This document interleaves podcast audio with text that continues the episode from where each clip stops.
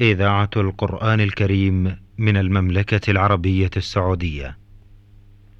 دروس في العقيدة الإسلامية. برنامج من إعداد فضيلة الدكتور صالح بن عبد الرحمن الأطرم. تقديم فهد بن عبد العزيز السنيدي. بسم الله الرحمن الرحيم الحمد لله رب العالمين والصلاة والسلام على أشرف الأنبياء والمرسلين نبينا محمد وعلى آله وصحبه أجمعين أيها المستمعون الكرام السلام عليكم ورحمة الله وبركاته. أسعد الله أوقاتكم بكل خير وأهلا ومرحبا بكم إلى حلقة جديدة في برنامج دروس في العقيدة الإسلامية.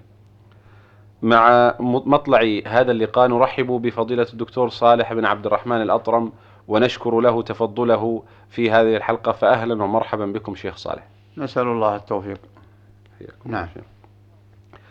في الحلقات الماضية تحدثنا عن معنى الإيمان بما جاء به الرسول صلى الله عليه وآله وسلم.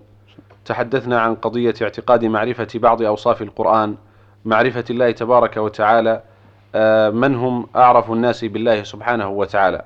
هذه قضايا مجملة في باب الاعتقاد. نود في هذه الحلقة أن نشير إلى قضية مهمة جدا. أرى أنها من الأهمية بمكان ألا وهي الذين ضلوا في باب العقائد. فتحوا على أمة الإسلام بابا خطيرا جدا يلج منه الأعداء لأن الضلال في باب العقائد من أخطر أنواع الضلال كما لا يخفى الجميع. نحب أن نعرف سبب هذا الضلال الذي بدأ في أمة الإسلام إذا تكرمتم يا شيخ. بسم الله الرحمن الرحيم. الحمد لله رب العالمين وصلى الله وسلم على نبينا محمد وعلى آله وصحبه أجمعين. سبب الضلال وسبب العدول عن الصراط المستقيم وسبب الصدود هذا جاء في القرآن وفي السنة. نعم. وأن سببه نابع من نفس الشخص لكون شيطانه لعب به أو هواه أو جهله أو مرض قلبه نستجيب بالله فهذه من أوضح الأسباب التي تعدل بصاحبها عن الطريق عن الصراط السوي وعن الصراط المستقيم. قال تعالى ومن أعرض عن ذكري فإن له معيشة ضنكا ونحشره يوم القيامة أعمى. قال ربي لما حشرتني أعمى وقد كنت بصيرا. قال كذلك أتتك آياتنا فنسيتها وكذلك اليوم تنسى. وكذلك نجزي من أسرف. ولم بآيات ربه ولا عذاب الآخرة أشد وأبقى. ففي هذه الآية ونظائرها من الآيات الأخرى والأحاديث والنصوص الكثيرة توضح لمن وفقه الله وفتح على قلبه سبب الضلال وسبب العدول عن الصراط المستقيم. نعم. ومن أعرض عن ذكري فالإعراض عن ذكر الله سبحانه وتعالى هو أكبر سبب. ومعنى أعرض عن ذكري يشمل عدة أمور. أولا عن تحقيق التوحيد وهذا أكبر ذكر. تحقيق لا إله إلا الله الذي ينطق به المسلم. فلهذا فأول دعوة الرسول عليه الصلاة والسلام كان الكفار لا ينطقون بها مطلقا لأنهم عرب فصحى يعرفون مقتضاها وأنها تفرض عليهم ترك آلهتهم. وتفرض عليهم التوجه إلى الله. فلهذا قالوا أجعل الآلهة إله واحد إن هذا لشيء عجاب. فأي إعراض أشد من هذا الإعراض؟ ومن أظلم ومن أعرض عن ذكري وذكره سبحانه وتعالى القرآن. وقد يكون الإعراض عن جهل. وهو يقول لا إله إلا الله لكن لا يحققها ولا يقوم بمعناها فهذا أيضا لا تنفعه كالمنافقين أو كالذين يقولونها ولا يعقلون معناها. فالإعراض عن قصد أو عن جهل كله تشمله هذه الآية. ومن أعرض عن ذكري فإن له معيشة ضنكا. ونحشره يوم القيامة أعمى. يعني أعمى القلب. وشبه عمى القلب بعمى البصر في هذه في هذه الدنيا. ثم يسأل ربه لما حشرتني أعمى؟ وقد كنت بصيرا. فدل على أن بصر الحاسة نافع ونعمة لكن إن شكر وقوم وقام صاحبه بحقه واستعمله بطاعة الله نفعه وأعطاه البصر في الآخرة. وإن عمي عن الحق في هذه الدنيا وأعرض حشر أعمى البصيرة والبصر. نسأل الله السلامة. وجاء في القرآن سبب الذين سبب نتائج. جاء في القرآن نتيجة من ظلم ومن افترى على الله الكذب ثم ومن ذكر بآيات ربه ثم أعرض عنها. إنا من المجرمين منتقمون. أعرض عن قبولها وأعرض عن العمل بها. نعم. فمن قبلها ولم يعمل بها لم ينفعه ذلك.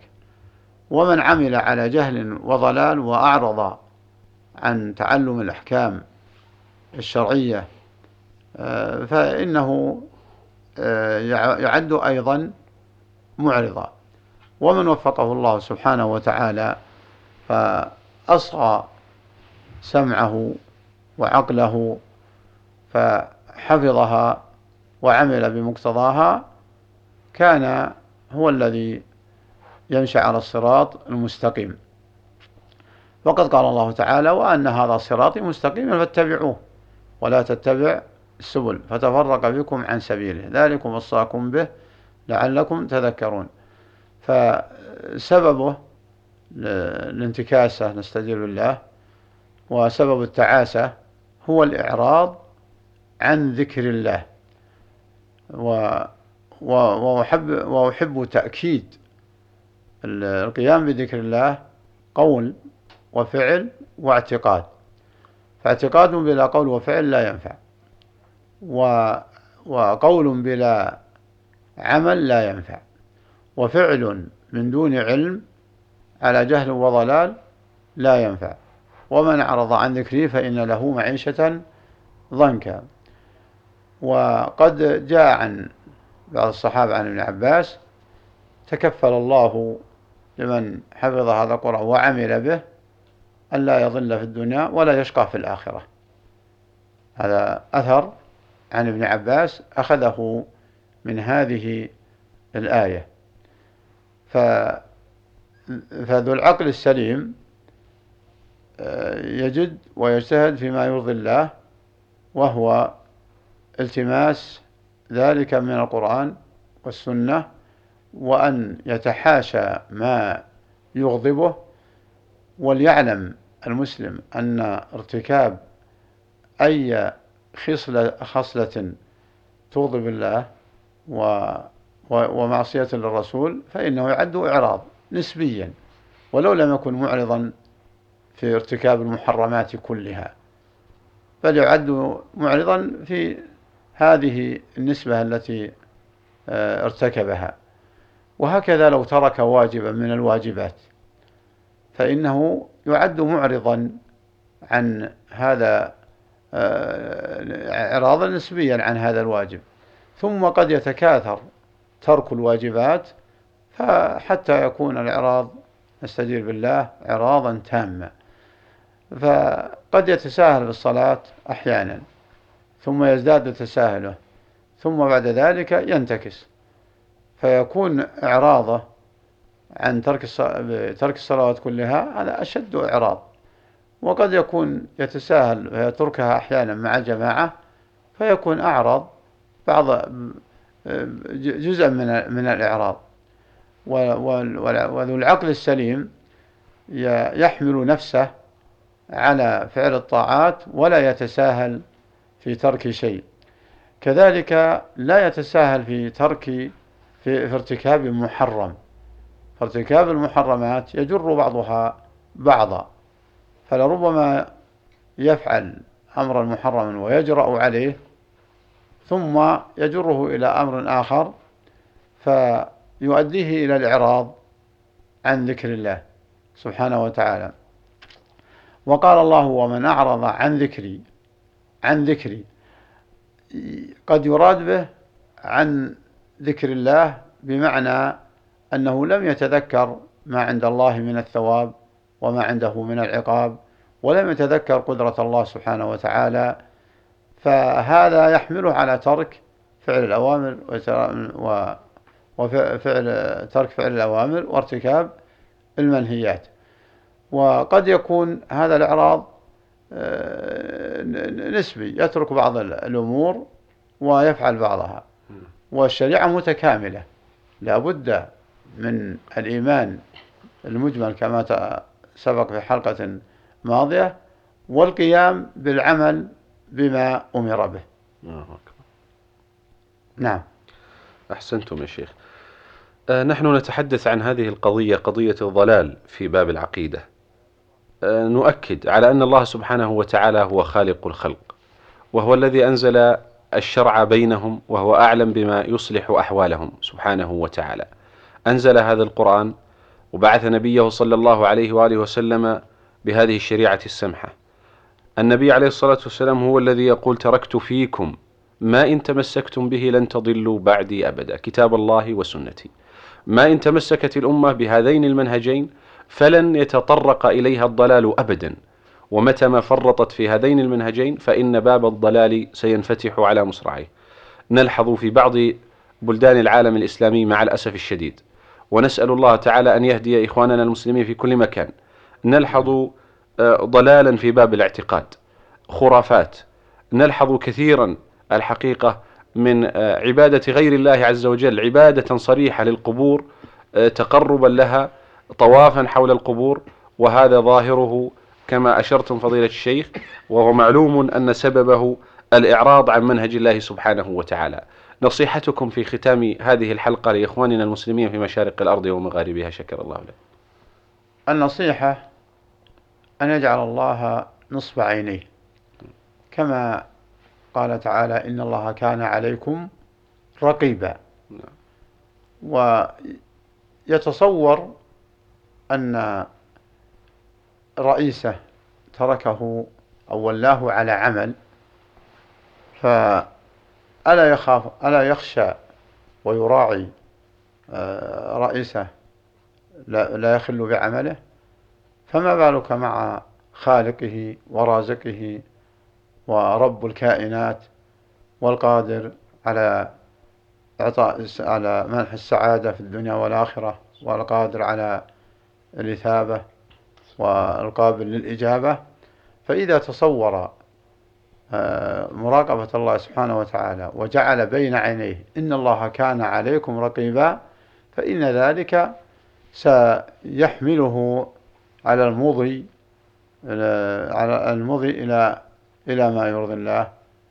وقد كان هذا الإعراض قد يكون هذا الإعراض أحيانا عن عن بسبب الجهل أي البعد عن القرآن والبعد عن السنة وعن البعد عن علماء الشريعة. فتعم الكارثة حينما يغفل عنها. فعلى المجتمع المسلم ما دام تسمى بالإسلام أن يجد على التماس تحقيق الإسلام. فأما أن يكون مجتمع مسلم والمخالفات في العقائد وفي العبادات قد انتشرت فهذا مما يخل بالمجتمع ككل. وعلى الفرد نفسه أن يحقق إسلامه فإن استطاع أن يضفي ما عنده من المعرفة إلى غيره فهذا هو المطلوب. وإن لم يستطع فيمضي في طريقه إلى الله سبحانه وتعالى